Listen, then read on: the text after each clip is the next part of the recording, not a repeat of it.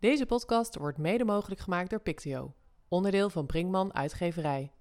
Pictio ontwikkelt lesmateriaal voor het voortgezet onderwijs en het MBO. Dit lesmateriaal wordt digitaal aangeboden en is praktisch van insteek. Voor meer informatie www.pictio.nl.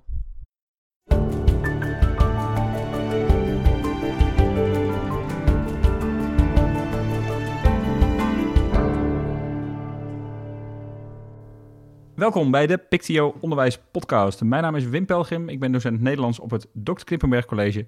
En ik maak deze podcast samen met Wietse Niese, adviseur bij NOB. Ja, hoi Wim, leuk weer. En uh, vandaag een hele bijzondere dag waarop wij dit uh, uh, zitten op te nemen en ook de gesprekken de afgelopen tijd hebben opgenomen. Want vandaag wordt Curriculum.nu gepresenteerd. Wat heb jij de afgelopen anderhalf jaar meegekregen van Curriculum.nu? Ja, best veel uh, eerlijk gezegd. En vandaag is 10 oktober, dus misschien wel leuk om, om te, erbij te vertellen. En ik merkte al, of ik had al uh, bij uh, commissie Snabel, toen volgde ik dat al een beetje. En daar kwam al wel heel veel ja, kritiek en commentaar op van, van, van onze 17 miljoen onderwijsbondscoaches, zeg maar.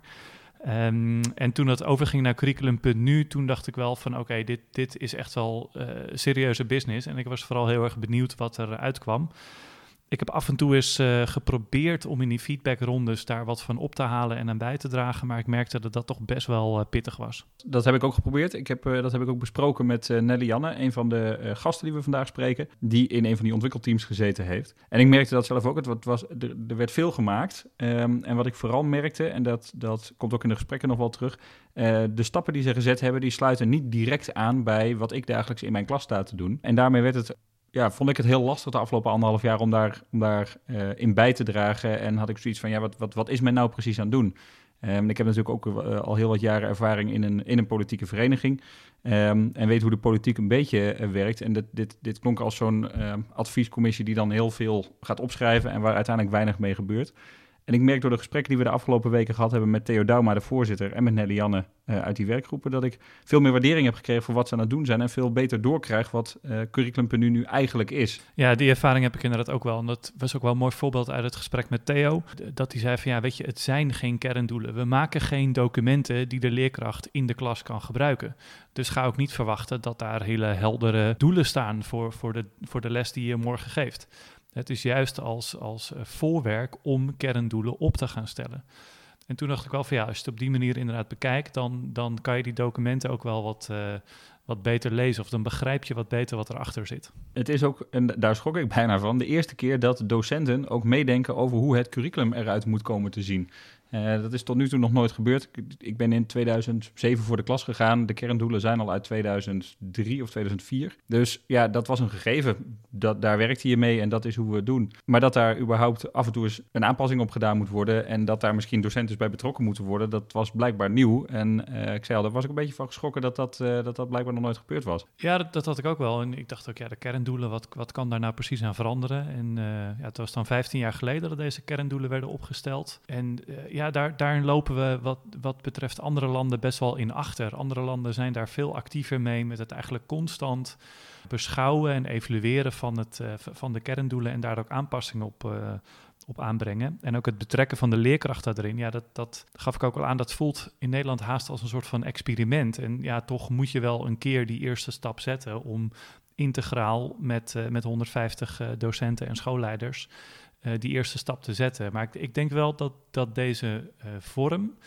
um, zorgt natuurlijk voor heel veel feedback en kritiek. Maar ja, het zorgt ook wel meteen voor betrokkenheid. En het, het, het, het is wel meer van, voor en door de leerkrachten gemaakt. Ik zei al, ik vond de gesprekken heel, heel waardevol. Ik ben ook heel benieuwd wat eruit komt. Want wij zitten dit in de ochtend nu op te nemen op de tiende. Eind van de middag wordt het pas gepresenteerd. Uh, dus we kunnen het nog niet hebben over het eindresultaat. Dus daar zullen we dan misschien uh, uh, later in het seizoen of volgend seizoen nog eens een keer op terug moeten komen. volgens mij hebben we nog tijd genoeg om hier een keer uiteindelijk ook op de resultaten terug te komen. Maar het nu beter snappen van het proces maakt dat ik ook met wat meer vertrouwen het, uh, het resultaat tegemoet zie vanmiddag. En ik ga dat dus uh, uitgebreid lezen de komende tijd. Interessant uh, om, om, misschien nog even te vertellen. We twee gesprekken hebben gevoerd. Ik heb met Theo Dauma een gesprek gevoerd. Hij is de voorzitter van Curriculum.nu. Dus hij heeft uh, ja, overkoepelend alles meege meegemaakt en, uh, en gecoördineerd. En tevens is hij voorzitter van het college van bestuur van het openbaar onderwijs in uh, Groningen. En zit hij ook in het samenwerkingsverband passend onderwijs in Groningen. En hij was al betrokken bij Onderwijs 2032, waar ik het net al even over had. Dus hij zit er al van heel vroeg al bij. Ja, en ik heb gesproken met Nelly-Janne van Schaik. Zij werkt al bijna 18 jaar op het Calvijn College in Goes. Uh, schreef daar Nederlands. Ik merkte ook in het gesprek met haar dat ik uh, uiteindelijk heel wat stukken over ons mooie vak eruit heb gesneden. Omdat het misschien voor de intimie uh, rond het vak erg mooi is, maar niet voor het algemene publiek. Dus we hebben een heel leuk gesprek gehad. en zij zit dus ook al anderhalf jaar in een van die ontwikkelteams, het ontwikkelteam Nederlands van Curriculum.nu. En heeft meegewerkt aan het eindproduct dat daar nu van gepresenteerd wordt vandaag. Oké, laten we gaan luisteren. Hoe is Curriculum.nu tot stand gekomen? Nou, Curriculum.nu is uh, zeg maar een dikke, uh, dikke anderhalf jaar, twee jaar geleden tot stand gekomen. Er was een uh, commissie onder, onder leiding van Paul Snabel. En die had een aantal plannen ontwikkeld voor zeg maar, het, het, ontwikkelen van kerndoelen voor het basisonderwijs en het voortgezet onderwijs. Maar die plannen die, uh, die betroffen bijvoorbeeld kennisdomeinen en dergelijke. Nou, uh, de toenmalige staatssecretaris Sander Dekker heeft dat in de, in de Kamer uh, gebracht. En de Kamer was daar bepaald niet enthousiast over. Eigenlijk wat, die wat de Kamer aangaf was van... ja, natuurlijk moeten de nieuwe kerndoelen ontwikkeld worden... want die dingen die zijn verouderd. Maar tegelijkertijd, wat wij willen is dat de huidige leergebieden... dus de leergebieden die nu ook al in de wet staan... die moeten ontwikkeld worden geen kennisdomeinen, geen vakken op, opheffen of iets dergelijks. Nee, het moet binnen de bestaande onderwijsstructuur plaatsvinden. Hadden ze wel een aantal dingen aan vastgekoppeld. Uh, want de Kamer vond het ook wel heel erg belangrijk dat een, twee nieuwe leergebieden er kwamen: digitale geletterdheid en, en burgerschap. En zei de Kamer, en dat was ook wel een, een belangrijk uitgangspunt, van eh, brede vaardigheden, daar moet niet een apart ontwikkelteam voor komen, maar dat moet geïntegreerd worden in de verschillende leergebieden. Dus het uitgangspunt was heel nadrukkelijk van uh, nieuwe kerndoelen en zorgen ervoor dat je doorlopende leerlijnen krijgt. Hoe hebben jullie het aangepakt? Nou, op zich. Uh, dat was, we, hebben, hebben heel veel om ons heen gekeken. Hè. We hebben in andere landen gekeken. We hebben gekeken welke in andere sectoren, ook in Nederland, hè, MBO en, en HBO. Eh, en eigenlijk wat we gezegd hebben is van we willen een soort Nederlands uh, model ontwikkelen. Hè, we, zijn met een verschillende groepen zijn we in Canada geweest. British Columbia, Ontario, dat soort gebieden. En we hebben gekeken van hoe hebben ze het daar nou aangepakt. Want de Kamer had ons nog een extra opdracht meegegeven. Ja, die waren heel actief uh, toen in de tijd. Want die zeiden van, joh, zorg er nou voor dat je de leraar aan zet brengt bij deze hele vernieuwing. Is erg belangrijk. Nou, we hebben gezegd van, oké, welke landen hebben daar ervaring mee? Nou, Canada was daar heel erg ver in. Die hebben ook uh, allerlei modellen uitgedacht waarin de leraar eigenlijk continu in dat hele proces uh, aan zet is. Dus wat hebben die gedaan? Die zijn met uh, hun ontwikkeling met doelen zijn ze bezig geweest. Nou, wij hebben gekeken hoe dat daar ging. Hebben we veel van geleerd. En tegelijkertijd ook gezegd van ja, oké, dat is Canada. Maar wij doen er nog een extra sausje bovenop. Dus wij hebben teams samengesteld met, die voor de helft uit leerkrachten van het PO en leraren uit VO uh, bestonden. Plus uit iedere sector ook nog een keer een, uh, een schoolleider. En die teams zijn negen stuks, negen leergebieden, zijn aan de slag gegaan. Nou, en waar zit nou het, uh, het, het, Nederlandse model in, zeg maar? Nou, we hebben niet alleen die team samengesteld, we hebben ook gezegd van we willen heel systematisch feedback ophalen. Dus uh, de teams zijn eerst het, de visie op het leergebied uh, hebben ze ontwikkeld. Wat is nou echt belangrijk binnen dit leergebied dat iedere school moet gaan aanbieden? Op basis van die visies uh, zijn ze vervolgens met grote opdrachten aan de slag gegaan. Van nou, wat is nou de essentie van dat leergebied? En op basis daarvan zijn ze met bouwstenen bezig gegaan. En na iedere fase hebben ze continu feedback opgehaald van allerlei organisaties. Hier, de, de wetenschap heel intensief uh, betrokken. Uh, de vakverenigingen hebben aan het begin uh, de visie afgeleverd voor hoe zij er, ernaar keken. Maar die ook tussentijds continu feedback geleverd. Maar daarnaast ook allerlei maatschappelijke organisaties. De minister krijgt morgen een, een, aantal opbrengsten aangeboden van ieder leergebied. Van wat zijn nou de, de, de beoogde bouwstenen, grote opdrachtvisies. ook een stuk uitleg daar rondomheen uh, per leergebied. ze krijgen de adviezen van de coördinatiegroep. Nou, dat zijn de organiserende zeg maar organisaties, PO-raad, VO-raad, ouders, AWS, leerlingen. de onderwijsbonden en de Federatie voor Vakverenigingen. Ehm, en dat pakketje, samen met de adviezen van de Wetenschappelijke Adviesraad, die gaan dan uh, naar de minister. En nou ja, wij zijn heel nieuwsgierig hoe straks de Kamer gaat, uh, gaat reageren ook. En je gaf in het begin van het gesprek aan van, hè, we hebben veel naar andere landen gekeken om te zien hoe dat gaat. En eigenlijk doen we nu voor het eerst zoiets in uh, Nederland. Ja. Um, als je nu terugkijkt op dat proces en dan punten waarvan je denkt van ja, als we dit over tien jaar nog eens doen, dan zou ik die dingen anders doen. Ja, nou ja, kijk, uh, wat wel grappig was, wij waren in, uh, in British Columbia. En uh, daar vertelden ze van, nou weet je, wij hebben de, de basisschool en de VO-onderbouw hebben we eerst gedaan. En daarna zijn we met de bovenbouw bezig gegaan. Nou, toen zeiden wij Nederlanders tegen elkaar, nou ja, god, dat kan natuurlijk niet. Je moet het hele funderende onderwijs doen en vanzelfsprekend. En nou, dus op die manier keken we ernaar. Nou als je nou kijkt wat er bij ons gebeurd is, is eigenlijk precies hetzelfde gebeurd. Van, uh, wij, wij zijn heel erg uh, actief bezig gegaan. Op, op enig moment heeft de minister gezegd van, ja, ik wil wel dat er in 2019 opgeleverd wordt. Toen hebben wij gezegd, ja, hartstikke leuk, maar dat kan nooit in die breedte van die bovenbouw. Hè? Want dan heb je niet negen leergebieden, maar dan heb je plotseling al die vakken daarachter ook nog een keer. Dus toen hebben we gezegd, ja, uh, dan moeten we wel zeggen van het is een geheel. Dus het moet ook als een geheel ontwikkeld worden. Maar om nu meteen de bovenbouw erbij te pakken is niet handig. Of met andere woorden, uiteindelijk kwamen we tot exact dezelfde beslissing als waar de Canadezen meegekomen waren. Nou, dat zijn van die leermomenten. Uh, ja, dat, dat, uh, had ik dat anders gedaan? Ik weet het niet. Af en toe moet je het zelf ook ondergaan. Dit was voor ons natuurlijk ook een uh, gigantisch leerproces. En zo, zo zijn we er ook echt ingestoken. Ja, en dat, dat vind ik ook wel meteen een, een beetje een eigenaardig ding. Hè? Want het is, het is echt een hele belangrijke herziening. Ja.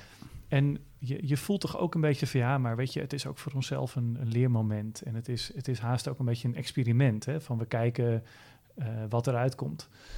Uh, is dat dan de goede aanpak voor zo'n belangrijke herziening? Nou ja, kijk, alle dingen die je voor het eerst doet, daar moet je ervaring mee opdoen, want anders doe je het niet voor het eerst. Dus en vanuit dat perspectief denk ik dat je het echt niet anders had kunnen doen uh, dan uh, zoals we het nu hebben gedaan. Uh, jij als voorzitter van Curriculum.nu heb je natuurlijk heel erg het overzicht gehad tussen al die ontwikkelteams. Ik kan me voorstellen dat je, dat je bij, op veel plekken bent gaan kijken.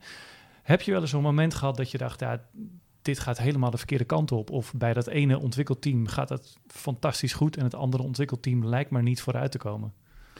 Uh, nou, je stelt twee vragen in één.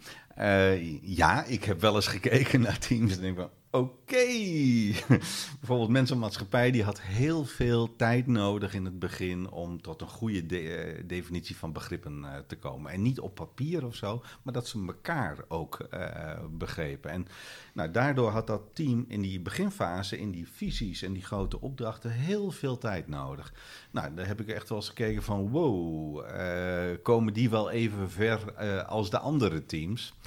Uh, omgekeerd, uh, burgerschap, digitale geletterdheid, hadden die niet uh, die traditie en de dingen waar ze op terug konden vallen.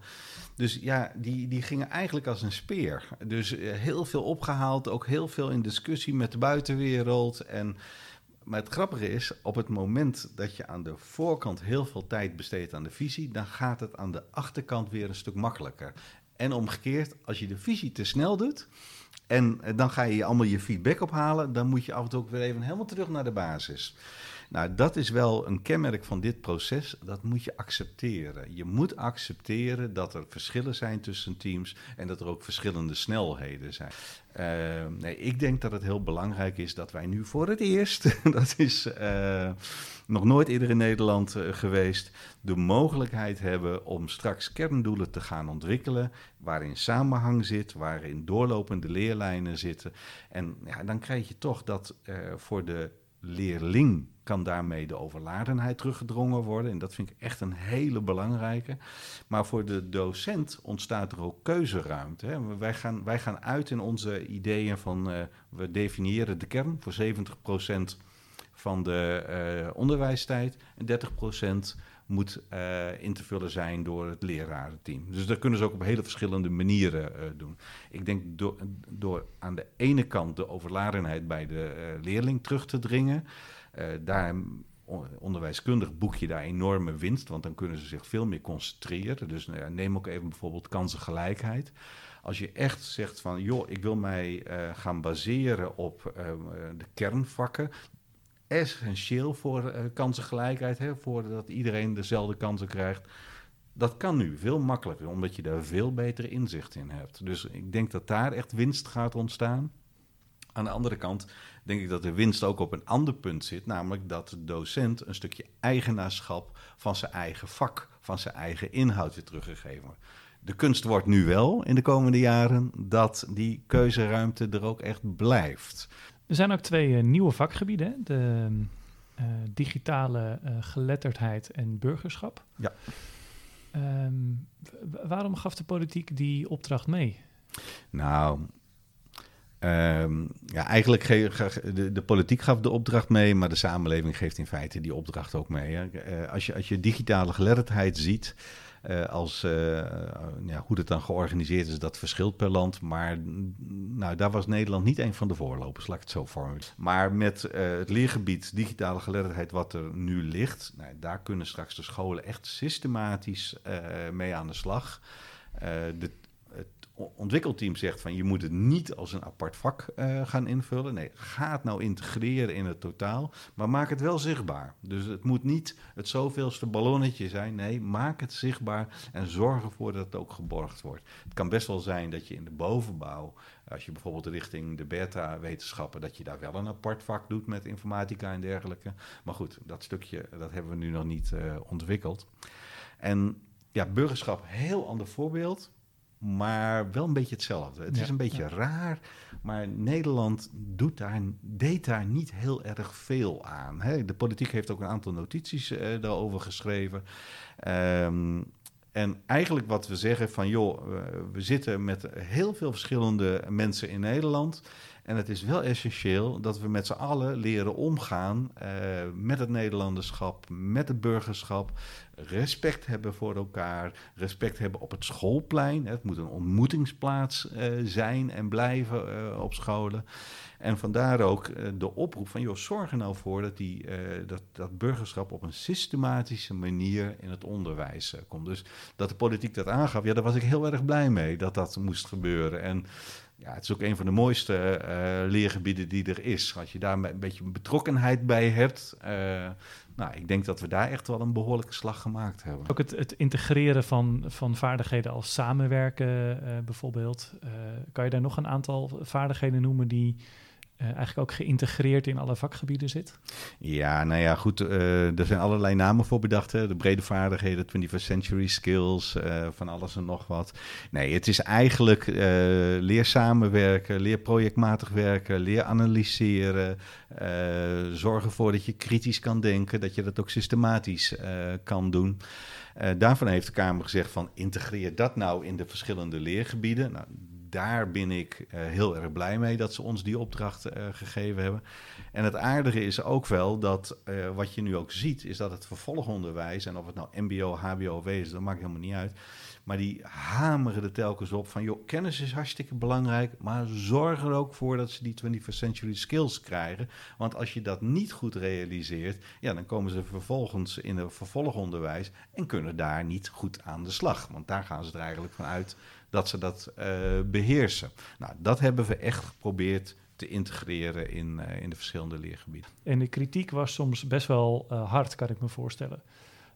heeft dat jullie ook wel eens aan het twijfelen gebracht? Dat je, dacht, dat je zelf ook dacht, ja, het, het, het klopt misschien ook ergens wel wat ze zeggen? Nou, um, het, het, hangt heel erg af van de, van de kritiek die, die werd gegeven. Uh, kijk, in al die feedbackrondes, de, ons doel was twijfel te creëren bij de teams. Van ga nou vooral niet denken dat, dat je alleen maar met de goede dingen bent. Nee, er zijn hele verschillende uh, groepen die er heel anders naar kijken. Dus die twijfel hebben we eigenlijk systematisch in de teams gebracht, om het zo, zo maar uit te drukken. Um, maar de kritiek, um, kijk, weet je, er, er, waren twee vormen van kritiek die, die redelijk pregnant waren, die redelijk uh, nou, steeds weer terugkwamen. Eentje was van docenten kunnen dit niet. Uh, de er moet een wetenschappelijke commissie komen en die gaat dit bedenken. Ja, daar heb ik toch wel moeite mee. Uh, dat is ook gewoon simpelweg. Neem je eigen lerarenkorps, uh, neem dat serieus. Leraren die hebben jarenlang gestudeerd, die hebben het ook jarenlang toegepast. En dan zeggen we, ja weet je, ze kunnen het wel uitvoeren, maar ze kunnen dat niet bedenken. Ja, dat vind ik een hele rare redenering. Ik, ik vind echt een stukje erkenning van de beroepsgroep, dat vind ik echt. Uh, dan moet je ook dit soort dingen zeggen van nou, dat vertrouwen we ook aan leraren toe. Moet je dat eenzijdig doen, alleen de leraar? Nee, wel nee, tuurlijk niet. Uh, daarom ook dat je continu die wetenschap binnenhaalt, die feedback. Want je, het gaat erom het best mogelijke product uh, voor die leerlingen straks. Want we doen het voor de leerlingen, hè? Het best mogelijke product voor die leerlingen neer te zetten.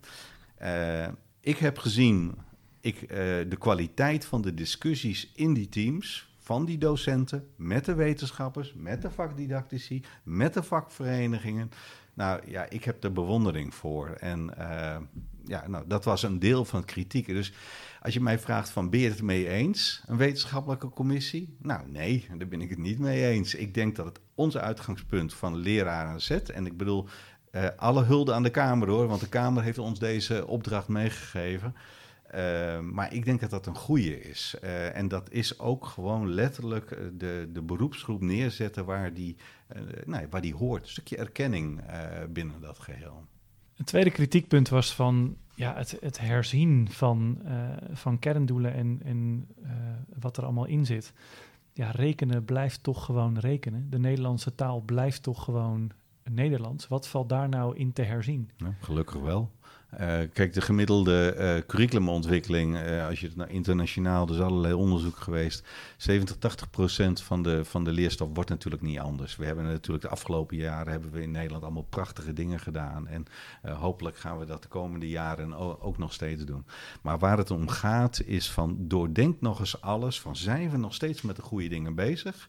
Missen de dingen? Zijn er ontwikkelingen in de samenleving? Zijn er ontwikkelingen om ons heen? jij noemt de Nederlands blijft er altijd hetzelfde. Ja, uh, graag. Maar wat gestimuleerd moet worden, vind ik, is bijvoorbeeld lezen. Begrijpend lezen. Als je, als je ziet hoe weinig de leerlingen lezen in vergelijking met uh, 10, 20 jaar terug, dat is echt niet met elkaar te vergelijken. Dus dat, uh, dat zo'n ontwikkelteam Nederlands er echt over nadenkt van, goh, hoe kunnen we nou via een aantal doelen erop te formuleren, het plezier weer in dat lezen terug. Ja, dat is essentieel. Ja, en het eindelijke doel was natuurlijk nieuwe kerndoelen. Ja.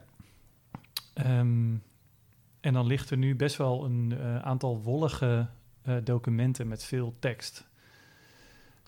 Ja, is dat zo? We hebben per leergebied uh, zijn er 50 pagina's ongeveer. Hè? En ja, als je het allemaal bij elkaar opstelt, is het een hele stapel. Precies. Maar realiseer je goed, dit gaat over 12 jaar onderwijs voor 2,5 miljoen leerlingen.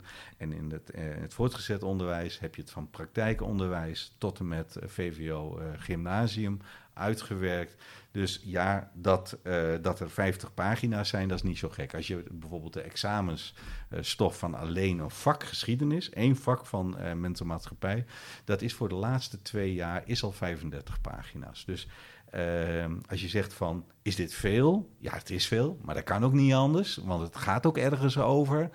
Uh, is het wollig? Nou, volgens mij bedoel jij met wollig dat het op een bepaald abstractieniveau uh, gezet is. Dat klopt. Het is geen informatiebrochure voor een leraar. Het is ook geen leermateriaal, want dat is ook niet bedoeld. Het zijn bouwstenen die straks doorontwikkeld moeten worden tot kerndoelen. En ja, daar staan af en toe ook moeilijke woorden in. Er staan woorden als abstraheren in. Ja, nee, maar daar kan een leerplanontwikkelaar straks iets, uh, iets mee.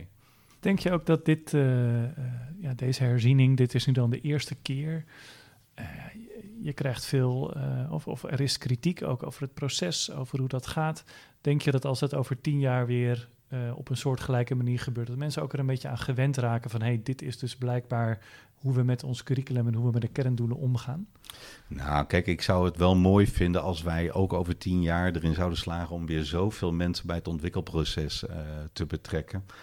Uh, als je mij vraagt van Moeten we nu weer tien jaar wachten voordat we weer zoiets gaan doen? Nou, dat zou ik niet doen. Uh, ik zou ook echt, een, uh, als, als ik in de politiek zat, zou ik ook echt gaan kijken van...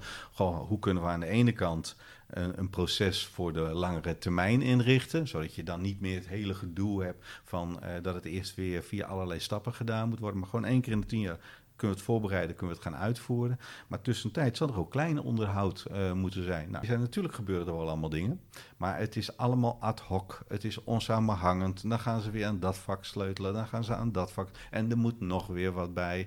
En uh, daarmee heb je ook als onderwijs, als, als, uh, gewoon als, als leraar voor de klas eh, heb je ook bijna niet meer de mogelijkheid te zeggen: ja, maar dit, dit uh, hoort even niet bij de kern. Uh, gaan we even niet doen. Hè? Ik bedoel, er zijn allerlei extreme voorbeelden geweest van dat docenten of leer, leerkrachten in de basisschool de leerlingen s ochtends vroeg moesten insmeren met zonnecrème, al dat soort dingen. Ja, het onderwijs is ontzettend belangrijk, maar je kan niet ieder probleem uit de samenleving in het onderwijs parkeren. Je moet de leraar, die is daar in essentie voor het leren van de leerling. Nou, als we daar af en toe eens naar kijken van wat is daar belangrijk in, wat is daar de kern in, nou, ik denk dat je dan uh, een behoorlijke stap uh, kan zetten. Morgen wordt het uh, aangeboden aan de minister, Arie Slop, neem ik aan. Ja. en dan, wat, wat gebeurt er? Nou, dat is voor ons ook spannend natuurlijk. Hè? Um, nee, wij, wij bieden het aan aan de minister en dan wij, de coördinatiegroep van al die groepen die ik daar straks noemde. Uh, dan gaat de minister uh, gaat het, uh, gaat het lezen. Die gaat een, een, een, een, beleidsreactie daarop formuleren. En dan vervolgens gaat het naar de Tweede Kamer. En de Tweede Kamer ja, die, die zal het totaal moeten beoordelen. Kijk, wij geven als coördinatiegroepen ook een aantal adviezen mee. En die adviezen die geven we niet voor niets. Wij, wij zien echt wel van als je dit wilt doen, dan moet je ook gaan doordenken uh, hoe je dat straks gaat doen. Dus uh, wij hebben eigenlijk twee jaar geleden als coördinatiegroep hebben we gezegd van joh, als we dit gaan doen, hartstikke goed, maar dan moet er voor de scholen tijd, middelen en ruimte zijn. Dus dat is echt essentieel. Um, we hebben ook gezegd, wat, als we dit gaan doen, dan moeten we het verantwoord gaan doen. Dus dat betekent ook van ga nou niet het uh, zeg maar vaststellen en daarna uh, kunnen de scholen aan de slag. Nee, ga nou in een voorbereidingsfase, ga nou de komende twee jaar gewoon echt even tijd besteden om de scholen te informeren, om de scholen te raadplegen. Maar ook, wij krijgen ook hele grote groepen scholen krijgen we bij ons die eigenlijk wel aan de slag willen. Uh, nou, bied daar ook de mogelijkheden voor. En vandaar zo'n voorbereidingsfase. In die voorbereidingsfase kan je er ook over na gaan denken van wat, wat dat nou allemaal zou gaan kosten. Uh, op het moment dat je het bij alle scholen gaat implementeren realiseer je goed, 250.000 uh, of leraren en 2,5 miljoen uh, leerlingen. Dus dit, dit gaat wel ergens uh, over. Dus doe dat niet overhaast, doordenk dat goed. Ehm, wij zullen ook advies geven dat de bovenbouw nog af afgemaakt moet worden, want het is echt het funderend onderwijsgeheel. Je kan er niet een stukje afzagen, dat, dat moet je eigenlijk als onderwijs niet willen. Maar we geven ook adviezen op het terrein van uh, digitale geletterdheid en burgerschap. Dat ontstaat niet zomaar. Dus op het moment die de kerndoelen er straks zijn, uh, als het goedgekeurd is door de Kamer, dan wil dat niet zeggen dat die twee leergebieden er plotseling zijn. Dus daar hebben we ook een aantal uh, adviezen rondomheen neergezet. En wat voor ons ook wel een belangrijke is, is uh, waar heel veel vervolgopleidingen mee komen. Van joh, zorg er nou voor als je met die bovenbouw bezig gaat straks, dat je ook gaat doordenken wat dat voor loopbaanoriëntatie uh, betekent. Want ja, uh, je ziet hoeveel studenten afhaken als ze één keer in het HBO-WO zijn. Nou, met een goede loopbaanoriëntatie kan je daar ook dingen mee doen. Neem dat ook mee. Nou, dat vinden wij vinden we verstandig. Um, nou, en een, en een laatste is een hele logische, maar niet altijd door iedereen als logisch ervaren. Dat is als je, het, als je kerndoelen ontwikkelt straks en je hebt die dingen opgesteld, moet je ook gaan doordenken. Wat betekent dat nou voor toetsing? Want het kan best zijn dat als je bepaalde kerndoelen gaat formuleren, dat, dat je een ander soort van toetsing of misschien een aanvulling op de toetsing uh, moet doen. Nou, daar geven wij ook het advies bij van, joh, ga dat nou doordenken. Uh, ga ook uh, vanuit het principe uit dat toetsing het curriculum moet volgen en niet omgekeerd. Uh, en ga daar ook ervaring mee op doen in de scholen. Dat is best mogelijk. We hebben ook een verkenning, toetsing en examinering gemaakt. Niet zozeer om met producten te komen, maar wel te doordenken van... goh, wat gebeurt er nou allemaal bij toetsing binnen Nederland? Nou, vanuit die toetsing, die verkenning, toetsing en examinering... daar zit weer heel veel nou, opgedane kennis die we zouden kunnen gebruiken bij het verder doordenken van dit proces. Nou, dus kortom, wij geven straks de opbrengsten aan uh, de minister, maar de, uh, daarnaast hebben we ook een aantal adviezen. En het zal je ook niet verrassen, maar die heb ik allemaal nog niet zo bekeken, dat ook de wetenschappelijke adviesraad met adviezen komt. Het woord zegt het al, adviezen. Dus het is een totaalpakketje. En ik ben, ben ook wel heel benieuwd hoe straks die hoe die adviezen met z'n allen worden uh, opgepakt door de minister, wat die ervan vindt, hoe die verder wil, uh, ook hoe de Kamer ermee verder wil. Dus ja, spannende tijd. Als het in jou ligt, wanneer hebben wij een nieuw, een nieuw kerndoelenboekje? Uh, als, als ik gewoon uh, de, de adviezen van de, uh, van de coördinatiegroep op een rij neerzet, dan zal je een, een, een, nou, een, fase straks krijgen dat je, nou, de, waarin je de verkenning doet om tot een definitieve fase te, te komen. Hè? Dus de voorbereidingsfase noemen wij dat. die moet je echt gebruiken. in die twee jaar kan je nagaan denken van wat willen we voor de jaren hierna. In diezelfde tussenperiode kan je ook de bovenbouw uh, realiseren. Uh, de SLO, eh, stel even voor dat iedereen het geweldig idee vindt, dat iedereen alles doorgaat. De SLO heeft de wettelijke taak om kerndoelen te ontwikkelen, dus die zal het via een vergelijkbare systematiek, denk ik, doorontwikkelen. Ja, ik denk dat je dan over een jaar of twee, drie heb je, heb je kerndoelen. En dat is nog niet hetzelfde als implementeren, hè? even voor de helderheid. Ja, ja, ja, maar dan heb je wel, denk ik, uh, voor, een, voor een, uh, behoorlijk deel van het onderwijs, kerndoelen heet het dan.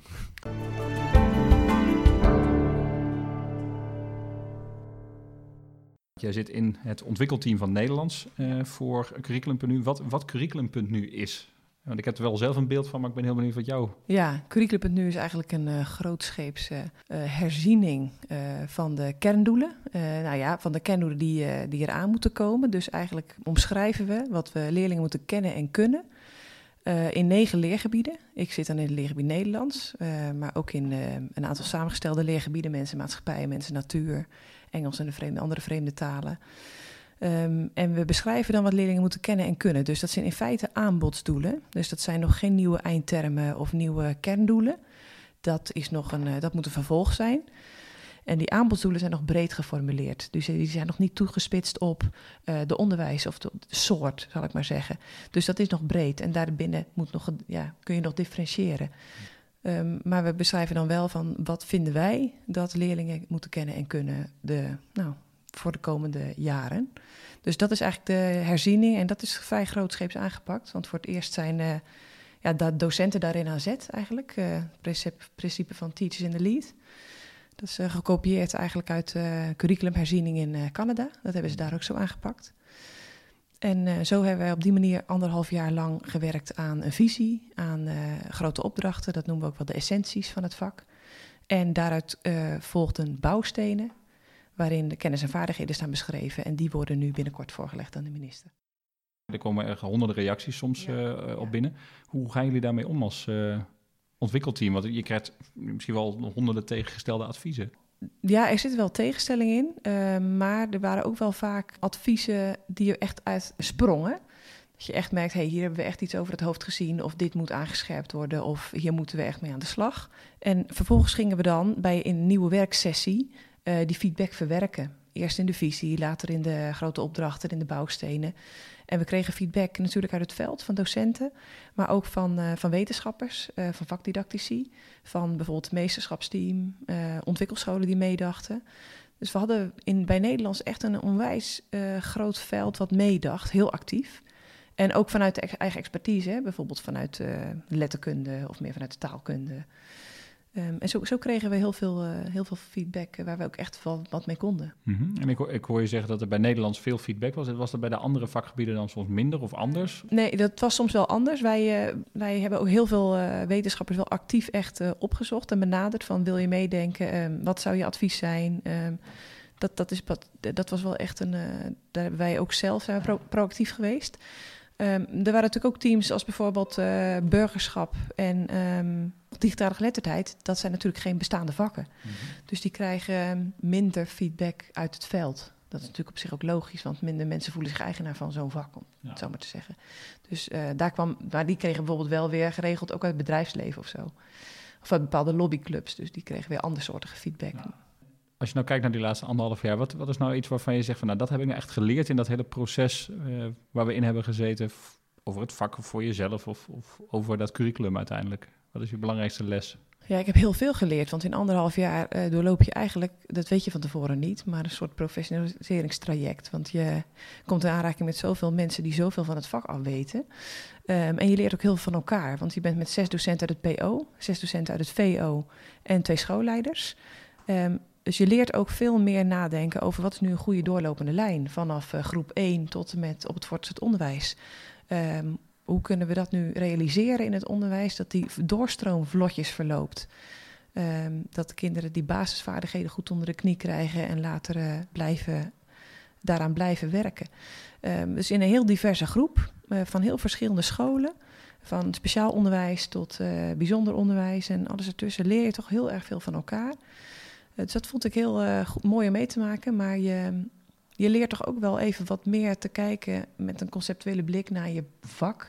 Van wat is echt belangrijk? Um, uh, hoe maken we ons vak toekomstbestendig?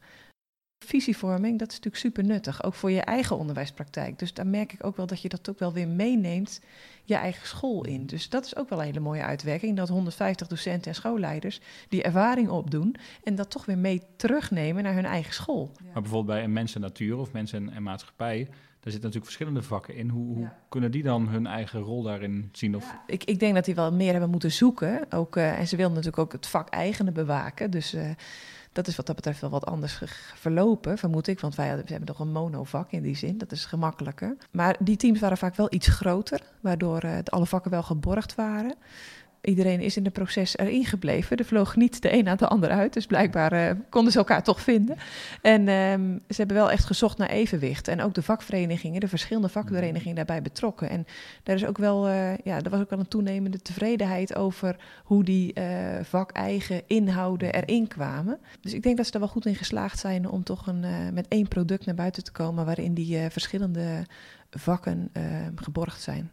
Want jij zegt van er moeten concrete doelen uitkomen. En de kritiek die je onder andere hoort is van goh, maar het zijn zulke wollige stukken tekst. Ik kan hier concreet in de klas niks mee. Eh, maar dat, van waar dit, deze keuze voor de procesinrichting? Dat ze dat zo ingericht hebben, was natuurlijk gewoon een keuze. Die werkopdracht mm. kregen wij natuurlijk. Maar het is eigenlijk ook om het, uh, het, het um, toch zo breed mogelijk eerst te beschrijven van welke elementen zijn eigenlijk allemaal echt van belang. Wat doet ertoe? En om dat breed op te halen ook in het veld, want dat hebben we echt gedaan.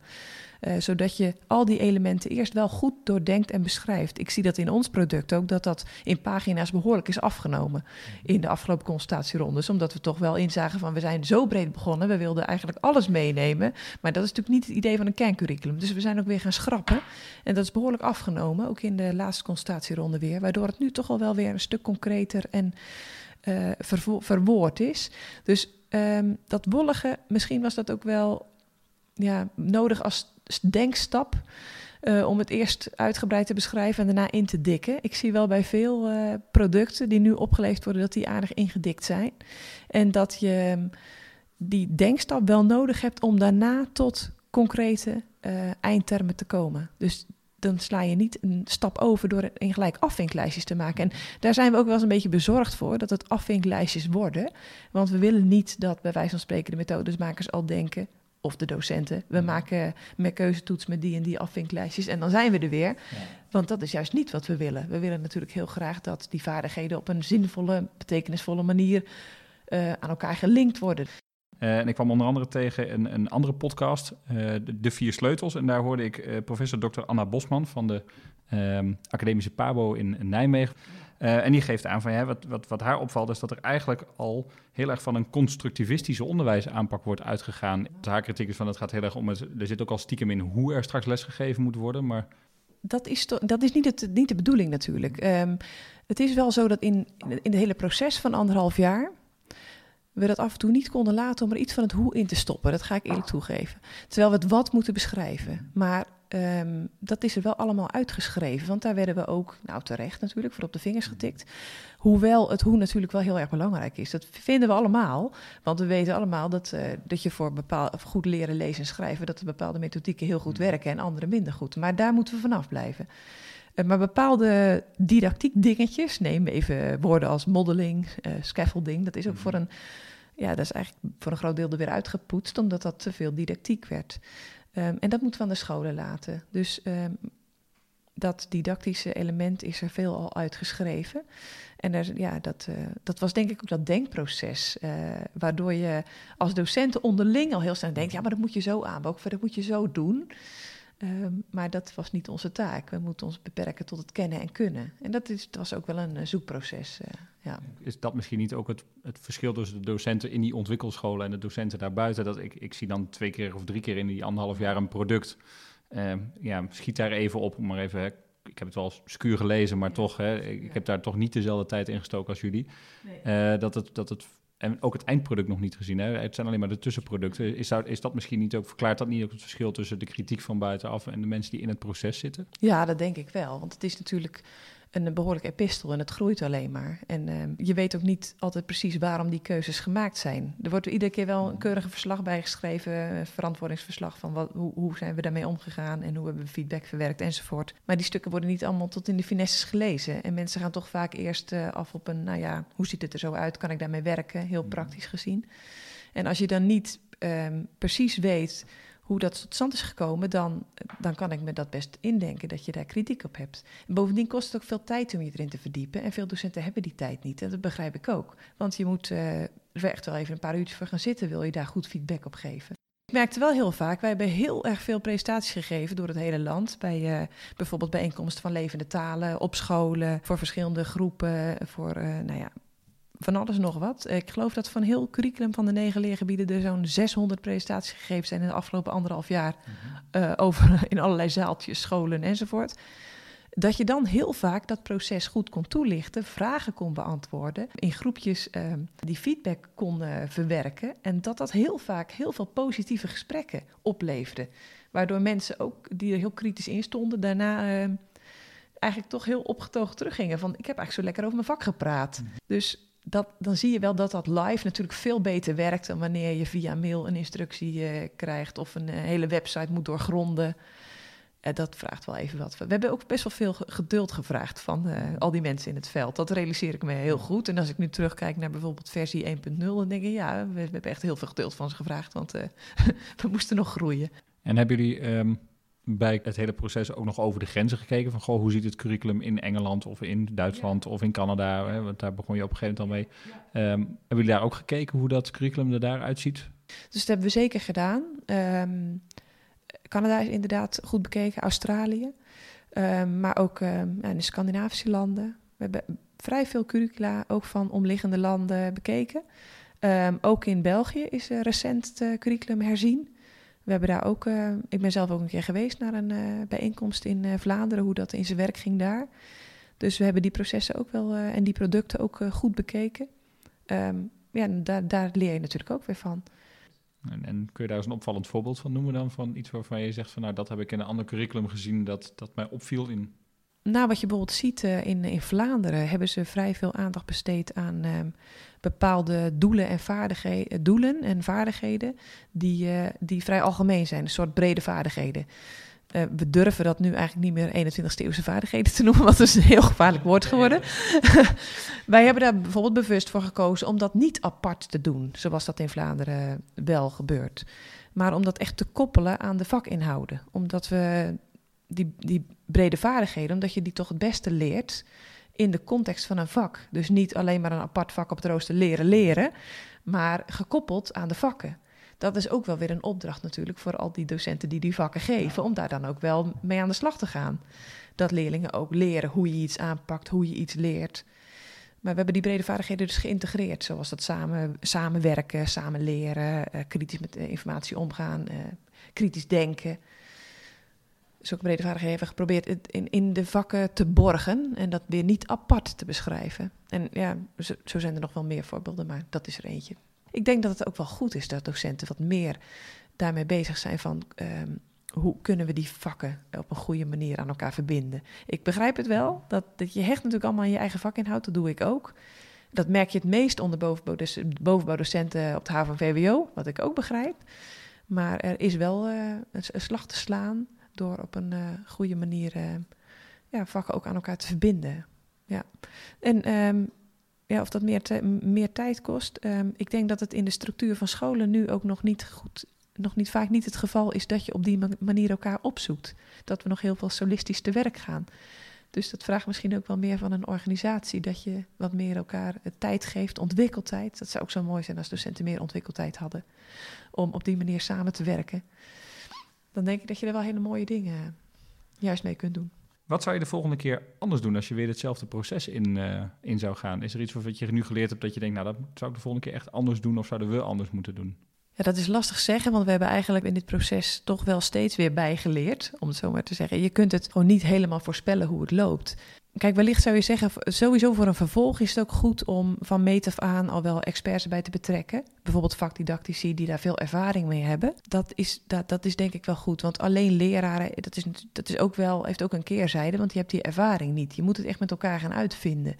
En je wordt wel ondersteund door SLO en door experts, maar wij zijn wel degene die, dat, uh, die het moeten bepalen. Dus dat is ook wel een beetje het kwetsbare van het proces. Dat was het aan op het begin in ieder geval wel. Ja, wij hebben dat in ons eigen leergebied denk ik wel redelijk ondervangen, omdat we gewoon al heel snel uh, experts bij betrokken hebben. Ja, waardoor we die expertise wel uh, in huis haalden. Maar als docenten ben je natuurlijk niet allemaal expert op die verschillende disciplines die er nog zijn binnen je vakgebied. Dus daarvoor heb je wel echt experts nodig. Uh, maar aan de andere kant zijn wij natuurlijk ook wel degene die weten van ja, het, het moet voor de klas gebeuren. Hè? Dus uh, wij, we kijken wel op een vrij praktische manier naar die, naar die inhouden. En, ja. en uh, iemand die natuurlijk heel erg hecht aan zijn domeintje binnen het leergebied Nederlands, die vergeet wel eens dat het voor de klas ook nog moet worden overgebracht. Ja, dat we de vertaalslag moeten maken. Dus nou, die kruisbestuiving van wetenschap en praktijk, dat is wel een hele mooie. Ik hoop dat dat in het vervolg wel uh, nou, mooi uh, opgezet wordt. Dat je echt van elkaar leert daarin. Uh, zijn er ook al verbanden gelegd tussen die ontwikkelteams? Want ja, ons vak leent zich bij uitstek misschien wel voor ja. een vakoverstijgende aanpak. Ja, er is ook elke werk, werkmeerdaagse die we hadden, was er altijd wel een dagje samenhang, zoals we dat dan noemden. Dan gingen alle teams bij elkaar daten. Om te kijken waar zien wij samenhang. En dan wordt Nederlands altijd gevonden, want uh, taal is, speelt natuurlijk overal een rol. Je waakt natuurlijk voor, uh, voor, voor, wel voor het feit dat Nederlands is niet alleen een dienend vak. Zo van, nou ja, ze leren het aan met Nederlands, daar heeft iedereen profijt van. Je wilt ook de eigenheid van je vak bewaren en juist de eigen vakinhoud meer borgen. Want dat is nu best beperkt het geval. Dus dat is natuurlijk altijd een beetje balanceren. Maar die samenhang, daar is wel echt naar gezocht. En ik denk dat dat ook heel mooi te zien is. Dat, dat, ook, dat die dwarsverbanden ook beschreven worden in uh, de producten die nu opgeleverd worden. En het zou ook heel mooi zijn als we daar in het onderwijs wel echt meer aandacht voor hebben voor die samenhang. Um, omdat het voor leerlingen ook wel betekenisvoller is. Um, als ze bijvoorbeeld moeten schrijven, dan kunnen ze ook schrijven ten dienste van andere vakken. En natuurlijk ook over vakinhouden van Nederlands, daar gaat het niet om. Maar dat het in elk geval betekenisvol is daar valt volgens mij op heel veel scholen echt nog wel wat te winnen. Nou, je beschreef dat, dat de laatste curriculumherziening bij Nederlands 14 jaar geleden is uh, geweest. Um, is dit niet iets wat we veel integraler in het onderwijsontwikkelproces moeten blijven doen? Ja, dat lijkt me wel heel goed uh, om dat blijvend te doen. Eén keer moet je dan natuurlijk integraal beginnen, dat is een uh, feit. Het zou mooi zijn als dat nu doorgaat en dat we dan inderdaad dat gewoon ingebouwd krijgen, dat je geregeld dat tegen het licht houdt om het actueel te houden. Niet om het veranderen, maar om het actueel te houden. Dat lijkt me heel goed. Um, ook de Onderwijsraad adviseert dat trouwens om uh, blijvend aan curriculumherziening te doen, zodat dat een agendapunt blijft. Ik denk dat dat landelijk belangrijk is, maar dat je dat even goed ook op je school uh, moet blijven doen. Hè? Van hoe blijft je curriculum, uh, blijft het fris, om het zo maar te zeggen. Van ja, waar moet ik nog eens wat aan doen? wat gaan we verbeteren? Of is het BTA in beton gegoten voor tien jaar? Ja, ik hoop niet dat het praktijk zo is, maar dat je op die manier toch met je vak bezig blijft. Oké, okay, Wim. Ja, zo na het luisteren. Wat, wat is jouw eerste gedachte of wat, wat blijft jij nu het meest uh, hangen? Uh, nou, ik, ik ben heel benieuwd hoe het nu verder gaat. Vandaag wordt het gepresenteerd aan, uh, aan minister Slop. Nou, dan krijg je dat hele politieke proces, want dan moet de minister er wat van vinden en de Tweede Kamer. En dan moeten we volgens mij ook gewoon aan het werk. Waar ik het in het gesprek met met Janne ook al over had. Hè, van wat, wat ga je nu doen, wat gaat er nu gebeuren? Waar ik een beetje bang voor ben, is dat straks een, een methodemaker met die nieuwe kerndoelen denkt, nou, daar ga ik een nieuwe methode omheen schrijven en dan kan de docent dat weer uitvoeren. En daarmee blijven we hetzelfde doen als we altijd deden. Dus wat ik vooral hoop is dat we in, het, in de loop van het proces die docent betrokken uh, houden en vergroten. En dat die docent straks met de nieuwe kerndoelen in de hand, zijn eigen curriculum gaat vormgeven met materiaal dat beschikbaar is. Hè, want je kunt niet alles zelf ontwikkelen. Maar niet dat het straks weer in één methode staat en je de uitvoerder wordt van dat wat iemand anders bedacht heeft. Maar dat we echt als docenten zelf ook die, die rol die we nu gekregen hebben, dat, dat we die ook vasthouden. Ja, mooi. Ja, wat, wat ik uh, heel gaaf zou vinden is als, weet je, dat, dat proces waar curriculum.nu, uh, ja, hoe, hoe dat ingericht is, dat is toch iets totaal nieuws. En ik hoop dat we, dat we delen daarvan wel vast kunnen blijven houden. Dus niet dat we nu uh, ja, weer 10, 15 jaar achterover gaan zitten en wachten tot de nieuwe uh, curriculumherziening. Maar dat dit een soort van ja, integraal onderdeel wordt van het onderwijs. Het constant kritisch blijven kijken naar de kerndoelen. En volgens mij is dat ook wel een beetje de bedoeling uh, achter curriculum.nu. Dat, het, ja, dat er nu een eerste stap is gezet, maar dat het uh, onderdeel uh, blijft van uh, ook van de eigen professionalisering van leerkrachten. Ja, die, die beweging die zie je in, in, in veel scholen, zeker wat vooroplopende scholen, zeker. Dat er eigenlijk continu onderzocht wordt wat je doet, het continu aanpast en ook niet meer bang bent om een foutje te maken. Maar gewoon, hè, we proberen wat, we evalueren het goed en we gaan door. En de curriculum.nu past daar heel mooi in die ontwikkeling. En ik hoop inderdaad ook dat we dat vasthouden risico daarbij wel is dat we eigenlijk gewoon te weinig mensen hebben en te weinig tijd en middelen krijgen om dat te doen. Zeker met het, uh, met het lerarentekort dat er, uh, dat er aan zit te komen, of waar we eigenlijk nu al middenin zitten. Uh, dus de, de, docenten die er zijn en die de ervaring hebben en die voor de klas staan, moeten ook de tijd en ruimte krijgen om dat te doen. En daar maak ik me wel een beetje zorgen over. Dat is meteen natuurlijk een heel mooi bruggetje naar aflevering 3. Want uh, daar gaat het over het lerarentekort. Ik heb gesproken met uh, Barbara de Kort, uh, hogeschooldocent bij de Marnix Academie. En zij is voorzitter van het landelijk overlegorgaan Lerarenopleiding Basisonderwijs. Ik heb Jan van der Ven gesproken. bekende naam als het gaat om PO in actie. Um, ik heb het gesprek een tijdje terug al opgenomen. Dat was de dag voordat de financiering voor het lerarencollectief rondkwam. Van de grond af zijn ze een organisatie aan het bouwen die de docent een, uh, een plek wil geven in uh, het maatschappelijk middenveld.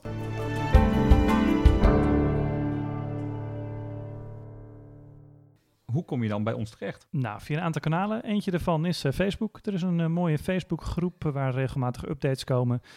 Je vindt hem door even op onderwijspodcast te zoeken.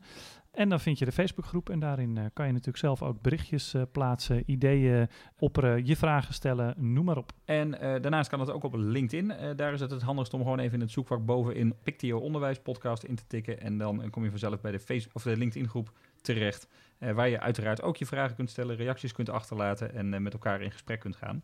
En dan zijn we nog te vinden op Instagram. onder welke naam zijn we daar vindbaar? Volgens mij gewoon onderwijspodcast. Ja, zo simpel kan het zijn. En tenslotte zijn we ook te vinden op Twitter, maar dan als onderwijscast, want onderwijspodcast was een te lange naam. Twitter houdt het lekker kort meestal en, zo ook in de naam. En uh, ik denk nog wel belangrijk voor mensen die deze podcast als eerste, voor het eerst horen. Uh, abonneer je op onze podcast in je podcast-app of uh, abonneer je in Spotify of bij Apple Music. En, met name als je Apple hebt, laat een recensie achter. Want hoe meer recensies, hoe makkelijker andere mensen onze podcast ook weer vinden. Oké, dan zijn we eruit. Tot de volgende keer.